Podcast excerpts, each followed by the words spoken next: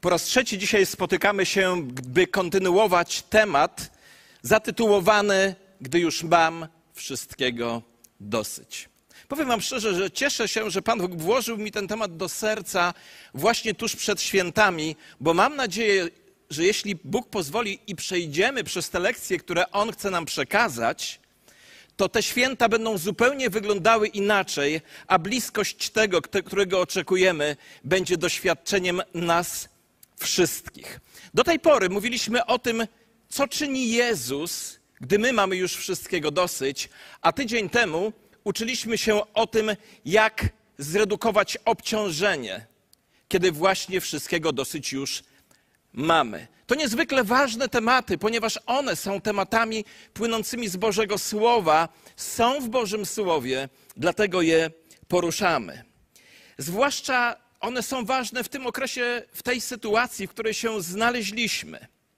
Wiecie, tak już jest, że świat, w którym przyszło nam żyć, jest światem coraz bardziej złożonym. I chyba zgodzicie się ze mną wszyscy, że ten świat nabrał bardzo szybkiego tempa. Mógłbym powiedzieć, że to jest szaleńcze tempo, i chociaż wydawać by się mogło, że pandemia trochę tę prędkość zredukowała, to prawda jest zupełnie inna, a my ciągle żyjemy szybszym stylem życia niż przeszłe pokolenia i najprawdopodobniej pokolenia, które przychodzą po nas, będą żyły jeszcze szybszym stylem życia. Kilka dni temu, podczas naszego spotkania pracowniczego, nasz e, lider wykonawczy Waldek Kupiec powiedział takie zdanie: Kleją mi się wtorki sklejają mi się wtorki. To znaczy, że dla niego między wtorkiem a wtorkiem nie ma żadnych siedmiu, sześciu dni. Tak jak dla wielu z nas. Mnie się kleją niedzielę i komuś innemu mogą kleić się poniedziałki. Żyjemy bardzo szybkim stylem życia, a świat, w którym żyjemy, przyspiesza coraz bardziej, a my ciągle próbujemy na wszystkim zaoszczędzić czas, idąc przez życie szybciej i szybciej. Wiecie, nie mam tego wprawdzie w dodatkach, ale kiedy wiele lat temu kupiliśmy zmywarkę, to sobie pomyślałem, to nam pozwoli zaoszczędzić czas. Potem kupiliśmy jakąś następną rzecz, która miała nam niby zaoszczędzić czas. Macie to? I okazuje się, że to wcale nam czasu nie zaoszczędza. Dlatego dzisiaj będziemy mówili, poruszali ten wa ważny temat, jak przystopować, gdy mamy już wszystkiego dosyć. Bo wielu z nas na tej sali, wielu z nas, którzy oglądają dzisiaj nas dzięki tej transmisji lub będą oglądać nas później, to osoby, które, których tempo życia przekracza już przepisy, jakie Pan Bóg zostawił na tej ziemi.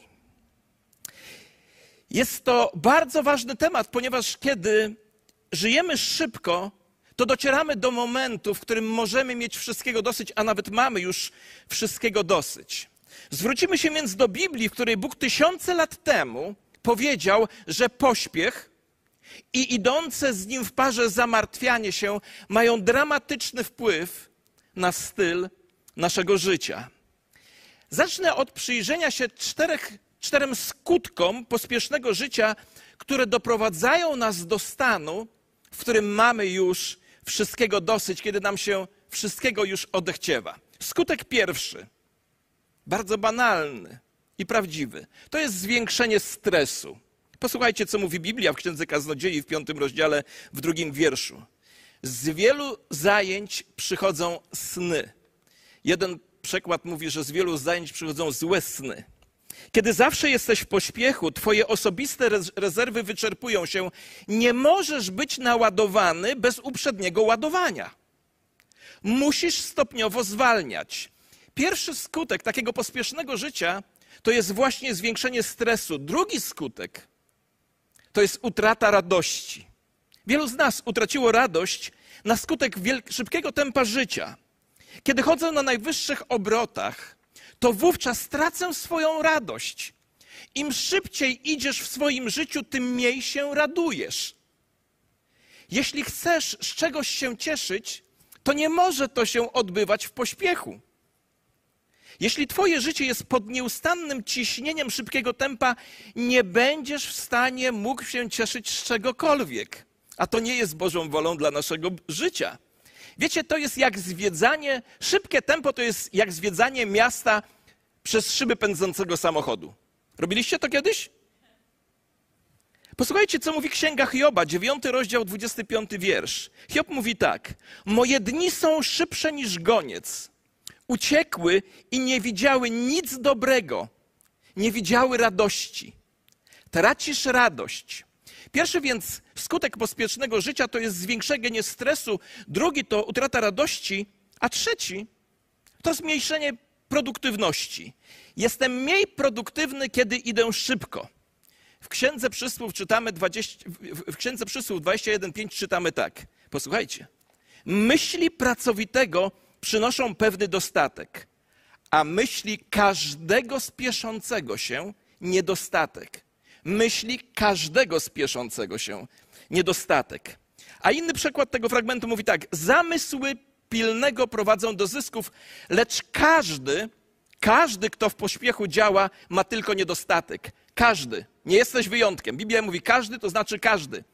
To jest prawo malejących przychodów. Musisz nadać sobie właściwe tempo. Pierwszy więc skutek pospiesznego życia to zwiększenie stresu, drugi to utrata radości, trzecia to zmniejszenie produktywności. Ale posłuchajcie, co jest bardzo ważne. Gdy żyjemy szybkim życiem, to także następują zmiany w sferze duchowej. Bo duchowo, kiedy biegnę z dużą prędkością, ma miejsce czwarta rzecz. I posłuchajcie ją uważnie. Tą czwartą rzeczą jest utrata duchowego słuchu. Jeśli w życiu cały czas poruszasz się w szybkim tempie, nie możesz poznawać Boga. Boga nie można poznać w pośpiechu. Boga można poznać, kiedy zwalniasz, kiedy jesteś wyciszony, kiedy jesteś uspokojony. Pozwólcie, że raz jeszcze zacytuję cytowany przez, przeze mnie na poprzednich spotkaniach Psalm 46, wiersz 10 w przekładzie Biblii Tysiąclecia. Posłuchajcie. Zatrzymajcie się i we mnie poznajcie Boga. Tak mówi do nas Bóg. Pierwsza połowa wiersza idzie w parze z drugą połową. Zatrzymajcie się i we mnie poznajcie Boga. Jeśli się nie zatrzymasz, nie będziesz miał okazji poznać Boga. Jedynym sposobem na poznanie Boga, że Bóg jest Bogiem, to jest zatrzymać się i wyciszyć się. Więc pierwszy skutek pospiesznego stylu życia to zwiększenie stresu, druga to utrata radości, trzecia to utrata produktywności, a czwarta to utrata duchowego słuchu. Takie są skutki, gdy pędzisz przez życie. Wiecie, co odkryłem? Nie wiem, jak wy macie, ale ja nawet pędzę w trakcie lockdownu. Ja pędzę w trakcie lockdownu. Jak więc mogę przystopować zwolnić trochę prędkość, gdy już mam wszystkiego dosyć. A zapytam, zadam odważne pytanie. Kto z Was wie, że żyje życiem za szybkim? O, witam w klubie. Jak więc mogę przystopować, gdy mam już wszystkiego dosyć? Wiecie, to co teraz powiem, będzie totalnie przeciwne tego, co nas naucza współczesna kultura. Ale my nie musimy iść za tym, co nas uczy współczesna kultura, musimy iść za tym, co nas uczy Boże Słowo, bo jesteśmy ludźmi Bożego Słowa, a to jest księga ponadczasowa, a jej autorem jest konstruktor tego wszystkiego, czyli wszechmocny Bóg. I chciałbym te rzeczy nazwać pięcioma strategiami nowego postępowania. Wiecie, czasami jak używam takich słów, to już słyszę, jak niektórzy myślą sobie, takie tematy to nie są do kościoła. A potem wychodzimy z tego miejsca i nie jesteśmy w stanie żyć, ponieważ nie przyjmujemy praktycznego nauczania, którego zastosowanie mogłoby zmienić nasze życie, zredukować stres, prędkość naszego życia, a my moglibyśmy się cieszyć bardziej Bogiem, dziełem Jego stworzenia i sobą nawzajem. Czego Wam z całego serca życzę. Więc pierwsza rzecz będzie za Was zaskakująca. Po pierwsze, ucz się być zadowolonym. Ucz się być zadowolonym. Jeśli masz wszystkiego dosyć i w związku z tym poważnie chcesz potraktować przystopowanie w swoim życiu, to, zaczyna, to nie zaczyna się od zmiany Twoich planów. To się zaczyna od zmiany nastawienia Twojego serca. Słyszycie? To nie zmienia się od, od, zmiany planów. To wszystko się zmienia od nastawienia naszego serca. Posłuchajcie słów apostoła Pawła, które zapisał w czwartym rozdziale w jedenastym wierszu. Nauczyłem się cieszyć tym, co jest. Nauczyłem się cieszyć, czym to jest. A jeden z przykładów tłumaczy ten tekst tak. Nauczyłem się być zadowolony bez względu na okoliczności. Zauważcie, że ten wiersz mówi: Nauczyłem się być zadowolonym. Można się nauczyć czegoś, czego się nie umie. Zgoda? Albo nie do końca się umie. A to prowadzi mnie do takiego stwierdzenia, z którym możecie się nie zgodzić, ale mam takie wrażenie, że my ludzie z natury naszej grzesznej, odziedziczonej po grzesznych rodzicach, z natury nie jesteśmy ludźmi zadowolonymi. Nasza grzeszna natura nie jest naturą zadowoloną. Moją naturą nie jest bycie zadowolonym i również nie jest to Twoją naturą. Ale jeśli masz już wszystkiego dosyć w swoim życiu, to musisz nauczyć się być zadowolonym i musimy się uczyć tego przez cały czas. Jak to zrobić? Posłuchajcie apostoła Pawła. Pobożność jest wielkim zyskiem, ale przy zadowoleniu się tym, co się ma. Ponieważ nic na świat nie przynieśliśmy, nic z tego świata wziąć nie możemy, więc jeśli mamy żywność i odzież, niech to nam wystarczy. Paweł mówi, że życie to coś więcej niż posiadanie rzeczy. Zanim chcę wam objawić, trochę otworzę przed wami serca, coś wam zdradzę. Zanim się urodziłem, nic nie posiadałem. I chcę wam powiedzieć, że nie zamierzam, bo nawet nie jestem w stanie posiadać czegokolwiek z rzeczy materialnych po śmierci. Jeśli więc chodzi o rzeczy, to mogę je używać. Oczywiście mogę je używać. Ale życie nie polega na posiadaniu rzeczy, więc mogę być zadowolony z tym, co mam. Pozwólcie, że wyjaśnię nam wszystkim, czym zadowolenie nie jest. Zadowolenie nie polega na tym, że nie masz żadnych ambicji. Powinieneś mieć ambicje. Powinieneś wykorzystać jak najlepiej to, co otrzymałeś od Pana Boga a on daje hojnie i bez wypominania. Bóg mówi, że to jest dobre, aby mieć pobożne ambicje. Zadowolenie też nie polega na tym, że nie mam żadnych celów, nie mam żadnych marzeń, nie mam żadnych pragnień, nie mam żadnych planów, nie mam żadnych ambicji. To nie jest zadowolenie. Powinieneś i ja powinienem mieć cele, marzenia i ambicje. Ja jestem niepoprawnym marzycielem. Zadowolenie oznacza to, nie potrzebuję mieć więcej. Nawet mi zegarek się włączył. Zadowolenie oznacza to, nie potrzebuję mieć więcej, by być szczęśliwym człowiekiem. Słyszycie? Nie potrzebuję mieć więcej, by być szczęśliwym człowiekiem. Nie czekam na więcej, by być szczęśliwy. Jestem już teraz szczęśliwy. Mam marzenia, mam cele, mam pragnienia, ale nie potrzebuję więcej, by być szczęśliwym. To jest zadowolenie. Apostoł Paweł, w zasadzie Pan Jezus powiedział do apostoła Pawła tak: Dosyć masz, jeśli masz moją. Proszę? Łaskę. Kto z Was ma łaskę Pana Jezusa Chrystusa? Słuchajcie, jesteście ludźmi, którzy już mają wszystkiego dosyć. No. Nie ma jak polskie słowo. Dosyć masz, gdy masz łaskę moją. Wiecie, jestem przekonany, że szczęście jest wyborem. Szczęście jest wyborem.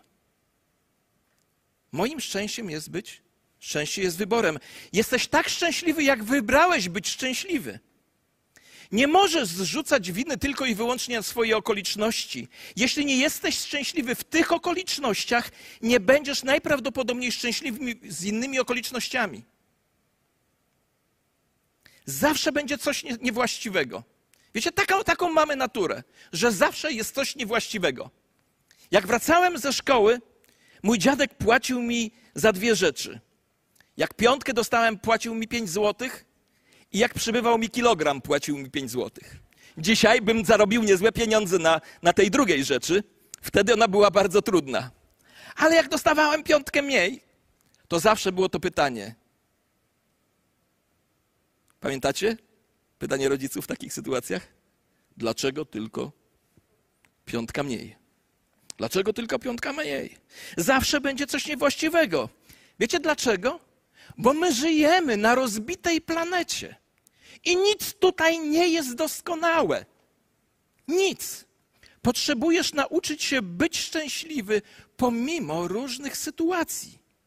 Mam zadowolenie i nie muszę mieć więcej niż mam obecnie, aby być szczęśliwym. W wielu pieśniach o tym śpiewamy. Kiedy się tego nauczysz, to jesteś na dobrej drodze do zwalniania w swoim życiu, ponieważ musisz zacząć z tą motywacją. Zadaj więc sobie kilka takich pytań. Co mną kieruje, by zawsze pchać po więcej? Co sprawia, że jadę tak szybko? Dlaczego muszę mieć coraz więcej pieniędzy na koncie? Dlaczego muszę mieć coraz więcej osiągnięć w mojej karierze? Dlaczego muszę mieć więcej działania w swoim kalendarzu? Dlaczego ciągle jestem nieszczęśliwy? Odpowiedź na te pytania znajdziemy, gdy uświadomimy sobie trzy główne mity dotyczące naszej kultury. Wiecie, nasza kultura wcisnęła nam kilka takich rzeczy, które stały się, choć są mitami, stały się częścią naszego życia i my zaczynamy w mity wierzyć. Posłuchajcie pierwszy mit. Pierwszy mit brzmi tak. Posiadanie więcej sprawia, że będę bardziej szczęśliwy. To nie jest prawda. Mógłbym wam i sobie dać setki przykładów, że posiadanie więcej nie musi oznaczać, że ktoś jest bardziej szczęśliwy. Jezus ujął to w słowach: Życie człowieka nie zależy od obfitości dóbr, które posiada. Jezus także powiedział tak: Co człowiek zyska, jeśli posiadać będzie cały świat, a na swojej duszy poniesie szkodę? Wiecie, znamy mnóstwo ludzi, którzy mają mnóstwo rzeczy, ale sami są nadal nieszczęśliwi. Bóg mówi, że mądrą rzeczą jest wstrzymywać się od pożądania, by zdobywać więcej pieniędzy i dóbr. To jest głupota stracić zdrowie, aby zyskać bogactwo. Ktoś powiedział, że ludzie żyją, że życie składa się z dwóch etapów, że większość ludzi żyje życiem, które składa się z dwóch etapów. W pierwszej połowie swojego życia poświęcają oni swoje zdrowie, by zdobyć pieniądze, a w drugiej połowie swojego życia poświęcają zdobyte pieniądze, by odzyskać zdrowie. Mit, że posiadanie więcej uczyni mnie bardziej szczęśliwym, chroni mnie od bycia zadowolonym i ciągnie mnie do dążenia po więcej, po więcej i po więcej rzeczy. A drugi mit polega na tym, że gdy robię więcej, czuję się bardziej wartościowy. Inaczej mówiąc, jeśli będę więcej robił, to ludzie będą mnie bardziej kochać, lubić, cenić, podziwiać, szanować. Udowodnią moją wartość przez moją nieustanną pracę. Ja się zapędziłem kiedyś w to. Miałem kalendarz, w którym notowałem każdy dzień spotkań, a potrafiłem je mieć, ich mieć masę, od rana do nocy, być na każde wezwanie. I powiem Wam, to wcale nie udowadnia, miarę, nie jest miarą mojej wartości. Jeśli poczucie swojej wartości uzależniasz od nieustannej pracy, to będziesz miał wszystkiego dosyć przez całe swoje życie. Istnieje mit, który mówi, że robiąc więcej jesteś bardziej ważny. Ludzie, którzy tak myślą, szukają aprobaty, by udowodnić swoją wartość przez pracę. Biblia jest nie, niezwykle mądrą księgą. Słuchają mnie też osoby, które, dla których Biblia nie jest autorytetem, ale mam nadzieję, że się stanie chociażby przez ten wiersz, który teraz za, za, przeczytam. Księga Kaznodziei Salomona, czwarty rozdział, szósty wiersz. Lepiej jest mieć jedną garść, a przy tym spokój, niż dwie garście pełne, a przy tym trud i gonitwę za wiatrem. Inaczej mówiąc, lepiej kupić mały dom, żyć na niższym poziomie materialnym, ale mieć więcej czasu, więcej energii, więcej radości. Im więcej pokoju w sercu, tym więcej czasu dla dzieci, więcej czasu dla siebie nawzajem. Nie każdy człowiek ambitny powinien być podziwiany. Ponieważ wiele ambicji jest skierowanych bardzo niezdrowymi emocjami strachem, sukcesem, poczuciem winy, zawiścią albo zazdrością. Spotkałem ludzi, którzy odnieli, od, osiągnęli wielki sukces, a ich motywacją była zemsta. Spotkałem takich, którzy byli motywowani przez niepewność. Spotkałem takich, którzy byli motywowani przez swoje ego, a inni byli motywowani przez pragnienie szacunku i docenienia. Wszystkie te rzeczy to niezdrowe emocje. Biblia nazywa je bałwanami, fałszywymi bóstwami. To są bożki. Posłuchaj jeszcze tej myśli. Nigdy nie buduj poczucia swojej wartości na tak zwanych symbolach statusu społecznego. Ponieważ za rok tym symbolem statusu społecznego będzie zupełnie coś innego. Za rok. Za dwa miesiące. Jeśli dziś symbolem statusu społecznego jest smartfon z siedmioma kamerami, które się obracają, to chcę Ci powiedzieć, że za dwa miesiące będzie to już inny model. I on będzie symbolem statusu społecznego. Albo jeszcze inny gadżet. Nie potrzebujesz symbolów statusu społecznego, żeby się ostać. Im zdrowsze masz poczucie własnej godności, tym lepiej znasz Boga i Chrystusa, albo odwrotnie, im lepiej znasz Boga i Chrystusa, tym większe masz poczucie własnej godności, masz z Bogiem i z Chrystusem lepszą relację i nie potrzebujesz żadnych symboli statusu społecznego, które mówią: Jestem ważny, jestem miły, jestem dobry, wartościowy, super, jestem elegancki. Kiedy tego wszystkiego nie potrzebujesz, wówczas możesz uczyć się być zadowolonym Posiadanie więcej nie uczyni cię bardziej szczęśliwym, a robienie więcej nie uczyni cię bardziej wartościowym. Istnieje jeszcze trzeci mit. Niestety bardzo obecny w naszym życiu, w naszej kulturze, pojawia się już od najmłodszych lat, już nawet w szkołach, czy nawet może w przedszkolach. Ten mit mówi, że życie jest konkurencją z innymi ludźmi. Ja, chociaż jestem z pokolenia starszego, zawsze słyszałem, że nie jestem taki, i tu nie wymienię imienia tego kolegi, bo może zacznie mnie słuchać kiedyś. Zawsze mi mówiono, że nie jestem taki jak mój kolega. I mówili to mi moi rodzice, mówili to nauczyciele, a kiedyś jak pojechałem z tym kolegą sprzedać makulaturę do skupu, to pan, a byliśmy do siebie bardzo podobni, chociaż nie byliśmy spokrewnieni, to pan, który prowadził ten skup, popatrzył na mnie i mówi do mnie tak, wymieniając, wiedział, kto ja jestem dokładnie, bo mój ojciec był jego szefem.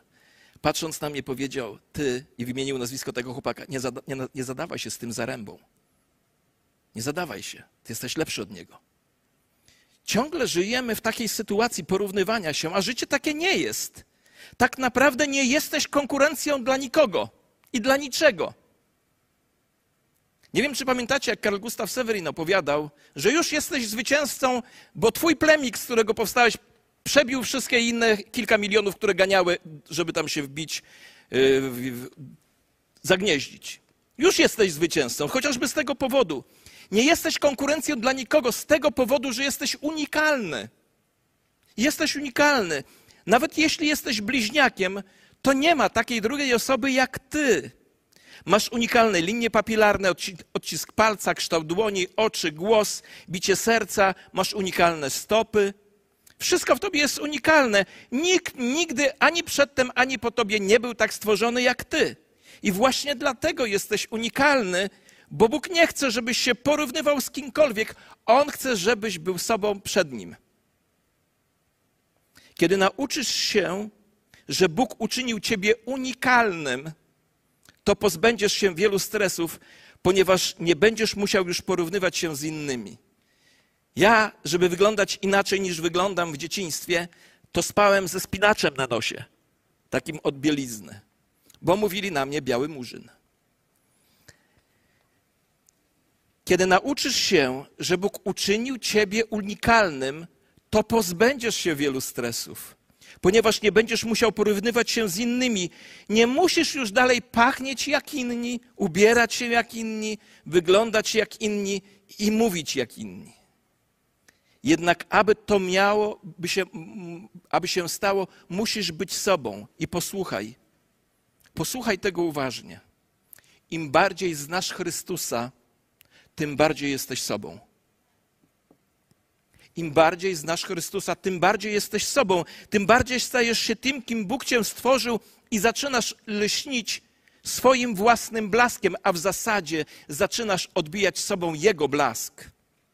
A kiedy zaczynasz się porównywać z innymi ludźmi, to wywoła zawiść, wywoła zazdrość, zniechęcenie, to stworzy w Twoim życiu pychę. Posłuchaj, porównywanie się i zadowolenie to dwaj śmiertelni wrogowie. Słyszysz? Porównywanie się i zadowolenie to dwa, dwaj śmiertelni wrogowie. Jeśli nie chcesz mieć wszystkiego dosyć i w związku z tym musisz zwolnić, to musisz zacząć od swojego serca. A to oznacza, że musisz przestać porównywać się z innymi. Przestań. Po prostu przestań się porównywać z innymi ludźmi, ponieważ kiedy przestaniesz się porównywać z innymi ludźmi, zaczniesz być zadowolony. A kiedy zaczniesz życiem, żyć życiem zadowolonym, to zaczniesz zwalniać. Zaczniesz lepiej funkcjonować psychicznie, żyć bardziej normalnie i przestaniesz mieć wszystkiego dosyć. Posłuchajcie Księgi Przysłów, 14 rozdział, 30 wiersz. Umysł spokojny zapewnia ciału życie, lecz namiętność, w innym przekładzie zawiść, toczy członki jak robak. Im więcej stresów, im więcej poddenerwowania, im więcej kredytów, tym krócej będziesz żył. Zrelaksowane nastawienie wydłuża człowiekowi życie. Musisz więc wystygnąć, musisz wyciszyć się. Niektórzy z nas powinni usłyszeć takie zdanie, już teraz język młodzieżowy się zmienił, ale kiedyś było takie, tak, takie stwierdzenie: wyluzuj się. Wyluzuj się. Po prostu wyluzuj się. Bo przeciwieństwem do tego jest zazdrość czy zawiść, która powoduje wewnętrzny rozkład. Dlaczego? Ponieważ kiedy jestem zazdrosny, kiedy jestem zły, to oznacza, że z kimś się porównywałem. Kiedy się porównuję, nie jestem wówczas zadowolony, a kiedy nie jestem zadowolony, to zaczynam siebie poganiać. Nie możesz być w tym samym czasie zrelaksowany i jednocześnie zazdrosny. Nie możesz być w tym samym czasie zrelaksowany i jednocześnie zawistny. Nie da się tak. To, co chcę powiedzieć, to to, że jeśli poważnie potraktujesz zwalnianie w swoim życiu, ponieważ masz już wszystkiego dosyć, to punktem wyjścia nie jest sporządzenie nowego planu. Musisz zacząć od serca. To nie zaczyna się od oczyszczenia Twojego kalendarza to zaczyna się od bycia zadowolonym z tego, co już masz i kim jesteś. Wykonaj pierwszy krok. Sprzeciw się obecnej kulturze i bądź człowiekiem zadowolonym, a następnie niech to będzie również prawdą na Twoich ustach. Niech to będzie Twoim wyznaniem. Jest jeszcze drugi sposób przeciwstawiania się naszej kulturze obecnej. Posłuchajcie, bo on jest bardzo trudny, ale nie niemożliwy to jest nauczyć się słuchać, zanim cokolwiek powiemy. Kto z Was ma problem z tym, że. Moja żona nie ma. Ale ja mam. Musisz słuchać, zanim będziesz mówił. To jest druga strategia z Bożego Słowa w procesie zwalniania. Wiecie, tak nam bardzo zależy, ja należę do tych osób, tak mi bardzo zależy na tym, żeby powiedzieć swoje zdanie, przekazać mój punkt widzenia, że często nie czekam, aż ktoś skończy i wtrącam się ze swoim zdaniem. Może to jest prawda o tobie. A Biblia w liście Jakuba, Jakub mówi tak. Niech każdy człowiek będzie skory do słuchania, nieskory do mówienia, nieskory do gniewu. Słuchajcie, piękny tekst i podejrzewam, że nigdy do niego większość z was nie podchodziła, jak powiem, jak ja to rozumiem. Zauważmy tutaj kilka kwestii. Jeśli zastosujesz pierwszą część, czyli zaczniesz być skory do słuchania, to dalsze dwie trzecie tego wiersza wydarzą się w Twoim życiu automatycznie. Jeśli będziesz szybki w słuchaniu, I jeśli nauczysz się być wolnym w mówieniu, to gwarantuję ci, że będziesz też wolny w denerwowaniu się. Słyszysz? Jeśli masz problem z gniewem, to jest właśnie rozwiązanie, to antidotum dla Twojego gniewu. Ucz się być szybkim w słuchaniu i powolnym w mówieniu. Bo jeśli to zrobisz, to nauczysz się rozprawiać ze swoim gniewem. Ale niektórzy z nas powiedzą, tak jak ja często mówię, ja tam nie mam problemów z gniewem. Mnie choćby kto na język nadepnął, nic nikomu złego nie powiem. Nie mam problemu z gniewem. Owszem, masz. I ja też mam. Tylko ukrywasz. Niektórzy ludzie wybuchają, a inni zamykają się w sobie. Każdy z nas, wybaczcie za porównanie, jest albo skunksem, albo żółwiem. Kiedy się złościsz i jest, jesteś skunksem, to zasmradza całe otoczenie. Każdy wie, że jesteś zdenerwowany. U mnie na twarzy widać, nie tylko po zapachu. Wyswobodziłeś odór, a jeśli jesteś żółwiem, to chowasz się do swojego pancerza. Jak więc rozprawić się z gniewem? Przez pośpiech w słuchaniu i powolność w mówieniu. Pośpiech w słuchaniu i powolność w mówieniu. W księdze kaznodziei czytamy: Nie bądź prędki w mówieniu. I niech Twoje serce nie wypowiada śpiesznie słowa przed Bogiem, bo Bóg jest w niebie, a Ty na ziemi, dlatego niech Twoich słów będzie niewiele. Księga Przysłów 29-20 mówi tak. Czy widziałeś nierozważnego przez pośpiech w swoich słowach? Więcej można się spodziewać po głupim niż po nim. Kiedy, kiedy pracujesz nad sercem i ustami, wtedy dopiero będziesz gotowy pomyśleć o planowaniu. Po pierwsze więc, ucz się być zadowolonym. Po drugie, słuchaj zanim powiesz. I po trzecie, bądź posłuszny czwartemu przykazaniu. Dla niektórych jest to przykazanie trzecie, ale w Biblii jest to czwarte. Posłuchajcie, co ono mówi. Druga księga Mojżeszowa. Sześć dni będziesz pracował i wykonywał wszelką swoją pracę, ale siódmego dnia jest sabat Pana Boga Twego. Bóg mówi tak: odpoczynek jest tak ważny, że umieściłem go pośród dziesięciu najważniejszych życiowych przykazań. Bóg mówi: Chcę, abyście wzięli jeden dzień wolny w każdego tygodnia. To jest ważne tak bardzo, że kiedy Bóg stworzył świat, odpoczął siódmego dnia i nie dlatego, że był zmęczony, bo Bóg się nie męczy. Odpoczął, by dać nam przykład i powiedział: Chcę, abyście tak robili. Ważne jest też, co ja robię podczas mojego sabatu. Jeśli nie jesteś ostrożny, a wielu z nas nie jest, to używamy naszych dni wolnych do odrabiania zaległości lub innych prac.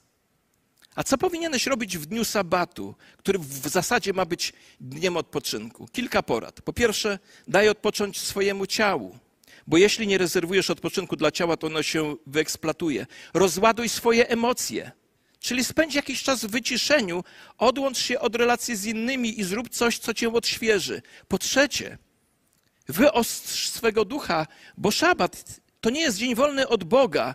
Uwielbienie i modlitwa umieszcza nasze życie we właściwych perspektywach. Daj więc odpocząć swojemu ciału, rozładuj swoje emocje, odśwież swojego ducha, koncentrując się na Bogu. Wiecie, mój sabat przypada w poniedziałek. W zasadzie to tak informacyjnie. Zaczyna się w niedzielę wieczorem, jak już wszystkie nabożeństwa się skończą, słońce zachodzi, zaczyna się mój szabat.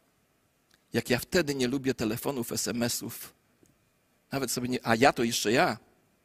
Moja żona, jak nie lubi takich telefonów też. Pamiętajcie. Ten mój szabat przypada w poniedziałek, który się zaczyna u mnie w niedzielę wieczorem, a kończy się w poniedziałek wieczorem.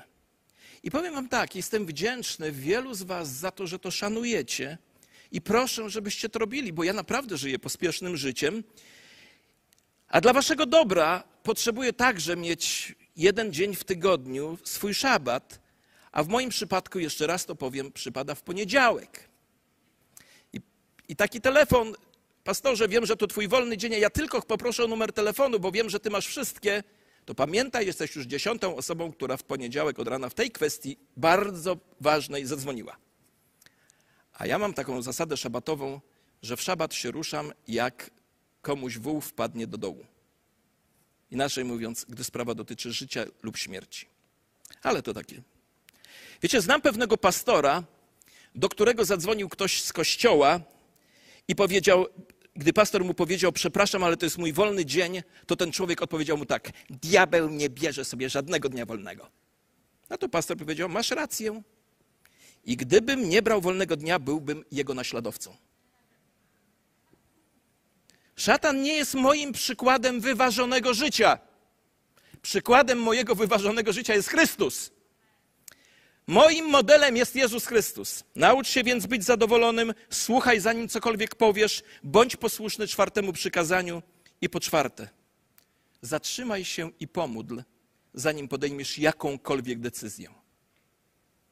Bo gdy się zatrzymasz i pomodlisz, to otrzymasz nową perspektywę dla danej sytuacji, a perspektywa jest tym, co ci pozwala podjąć właściwe decyzje.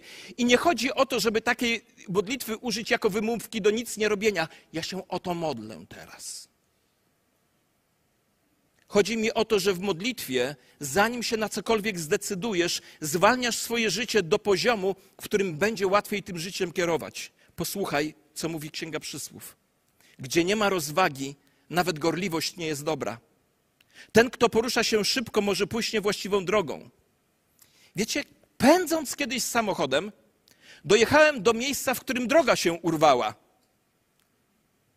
Udało mi się wyhamować w ostatniej chwili, bo okazało się, i posłuchajcie tego uważnie, okazało się, że jadąc zbyt szybko, nie zauważyłem znaków ostrzegawczych. Kiedy jedziesz zbyt szybko, nie, zauważasz Bożych znaków ostrzegawczych, a Bóg ma dla ciebie takie znaki cały czas i nie tylko ostrzegawcze. Ale ponieważ jedziesz zbyt szybko, nie zauważasz ich. I w ten sposób zmarnujesz wiele pieniędzy, zmarnujesz wiele czasu, będziesz doświadczał wiele bólu, ponieważ nie zwracałeś uwagi na znaki. Bóg próbował mówić do ciebie, próbując ci pomóc, ale ty byłeś w zbyt wielkim pośpiechu, żeby to zobaczyć, usłyszeć. Miałeś entuzjazm bez wiedzy i mądrości. Jest wiele sytuacji, przez które Bóg mówi: Chcę ci pomóc, ale zatrzymaj się i módl się przed podjęciem decyzji. Posłuchajcie, co mówi Księga Przypowieści, Księga Przysłów, Przypowieści. Sidłem dla człowieka jest nierozważnie ślubować i zastanowić się dopiero po złożeniu ślubów. Zawsze łatwiej jest coś wejść niż wyjść. Łatwiej jest zaciągnąć dług niż go spłacić. Łatwiej jest wejść w relacje niż relacje zerwać. Łatwiej jest wejść w kłopoty niż nie, z nich wyjść. Łatwiej jest przybrać na wadze, a ja mam w tym duże doświadczenie, niż stracić. Chcę Wam powiedzieć, że też łatwo składa się zobowiązania, ale ciężko się z nich wywiązać. Co zatem Bóg mówi? Bóg mówi: przerwij, pomódl się przed podjęciem decyzji, bo to spowolni Twoje życie. I posłuchaj jeszcze jednej wskazówki. Nie możesz tylko dodawać zadań do swojego planu bez wyeliminowania innych rzeczy. Zawsze, kiedy coś dodajesz do swojego planu, z czegoś musisz zrezygnować. Kiedy stajesz przed kolejną niezwykłą, niepowtarzalną życiową okazją, musisz zrobić trzy rzeczy. Zadać sobie pytanie, czy to jest warte? Czy to jest warte mojego czasu, energii, wysiłku, reputacji, pieniędzy, mojego życia? Jakie to będzie, ja sobie zadaję takie pytanie, jakie to będzie miało znaczenie dla wieczności? Skąd mogę wiedzieć, czy to jest warte zachodu, czy nie? Spójrzcie na to, co mówi Biblia. A jeśli komuś z Was brakuje mądrości, niech prosi Boga, który wszystkich obdarza chętnie i bez wypominania, a będzie mu dana. Musisz się więc zapytać Boga, czy jest to warte Twojego zachodu. Druga rzecz o którą pytasz, kiedy stajesz według danej okazji. Z czego będę musiał zrezygnować? Bo zawsze musisz czegoś zrezygnować, podejmując nową okazję. Boże, co jest najważniejsze dla mnie i co jest najważniejsze dla Ciebie? To jest kluczowe pytanie. I trzecia rzecz, dla mnie bardzo trudna. Naucz się mówić nie. Bez poczucia winy. Naucz się mówić nie. Jeśli chcesz przystopować, bo masz już wszystkiego dosyć, po pierwsze naucz się być zadowolonym. Po drugie, słuchaj zanim cokolwiek powiesz. Po trzecie, bądź posłuszny czwartemu przykazaniu. Po czwarte, zatrzymaj się i pomódl się przed podejmowaniem decyzji. A teraz piąta i ostatnia rzecz. Zaufaj Bożemu właściwemu czasowi. Niecierpliwość jest kolejną przyczyną pośpiechu, która prowadzi do tego, że masz już wszystkiego dosyć. Wiecie, czym jest niecierpliwość? Definicja niecierpliwości? Niecierpliwość to brak zaufania do Boga. Biblia w Księdze Kaznodziei mówi tak: Bóg wszystko pięknie uczynił w swoim czasie, a jednak człowiek nie może pojąć dzieła, którego dokonał Bóg od początku do końca. Bóg nie tylko ma plan dla Twojego życia i mojego życia, On ma również, on ma również dla tego życia terminarz. Jedną z najbolesniejszych kwestii ma miejsce wtedy, kiedy Ty się spieszysz, a Bóg się nie spieszy. Częścią dojrzałości jest umiejętność rozróżniania pomiędzy nie i jeszcze nie. Masz już więc wszystkiego dosyć i próbujesz przystopować? To wbrew pędzącej kulturze. Naucz się być zadowolonym. Słuchaj, zanim cokolwiek powiesz, bądź posłuszny czwartemu przykazaniu, zatrzymaj się i pomóż przed podejmowaniem decyzji i zaufaj Bożemu właściwemu czasowi. Nie wiem, czy mieliście okazję oglądać wyścigi samochodowe. Gdy obserwujesz wyścigi samochodowe, to w samochodzie siedzi kierowca, a obok niego siedzi pilot, który już wcześniej dokładnie przestudiował trasę, przeszedł ją, ma w ręku mapę, wie, co jest za zakrętami. On już ją przestudiował, on już ją przeżył, można powiedzieć, na własnej skórze. On wie, w którym momencie trzeba zwolnić, w którym momencie trzeba skręcić, żeby nie doszło do kolizji. Takim pilotem, który chce być w Twoim życiu, jest Jezus Chrystus. Zaproś więc go na to siedzenie obok Ciebie, a w zasadzie, żeby stał się częścią Twojego życia, a on jako pilot będzie sterował Twoim życiem w taki sposób, że prędkość będzie właściwa, niebezpieczeństwa we właściwy sposób pokonane, Bóg będzie miał z tego chwałę, a Ty z tego spełnione życie. Pochylmy nasze głowy w modlitwie. Kto z Was wie, że to słowo dzisiaj było do Niego? Dajcie znać przez podniesienie ręki. Dziękuję bardzo, jest wiele rąk górze. Panie, chcę Ciebie prosić, żeby to słowo zamieszkało w nas głęboko. A jeśli ktoś z nas, oglądających przez internet czy będących tutaj na sali, nie ma obok siebie pilota, którym jest Jezus, to Panie, niech dzisiejszy dzień będzie dniem zaproszenia Go do swojego życia, jako tego, który jest najlepszym pilotem. Amen.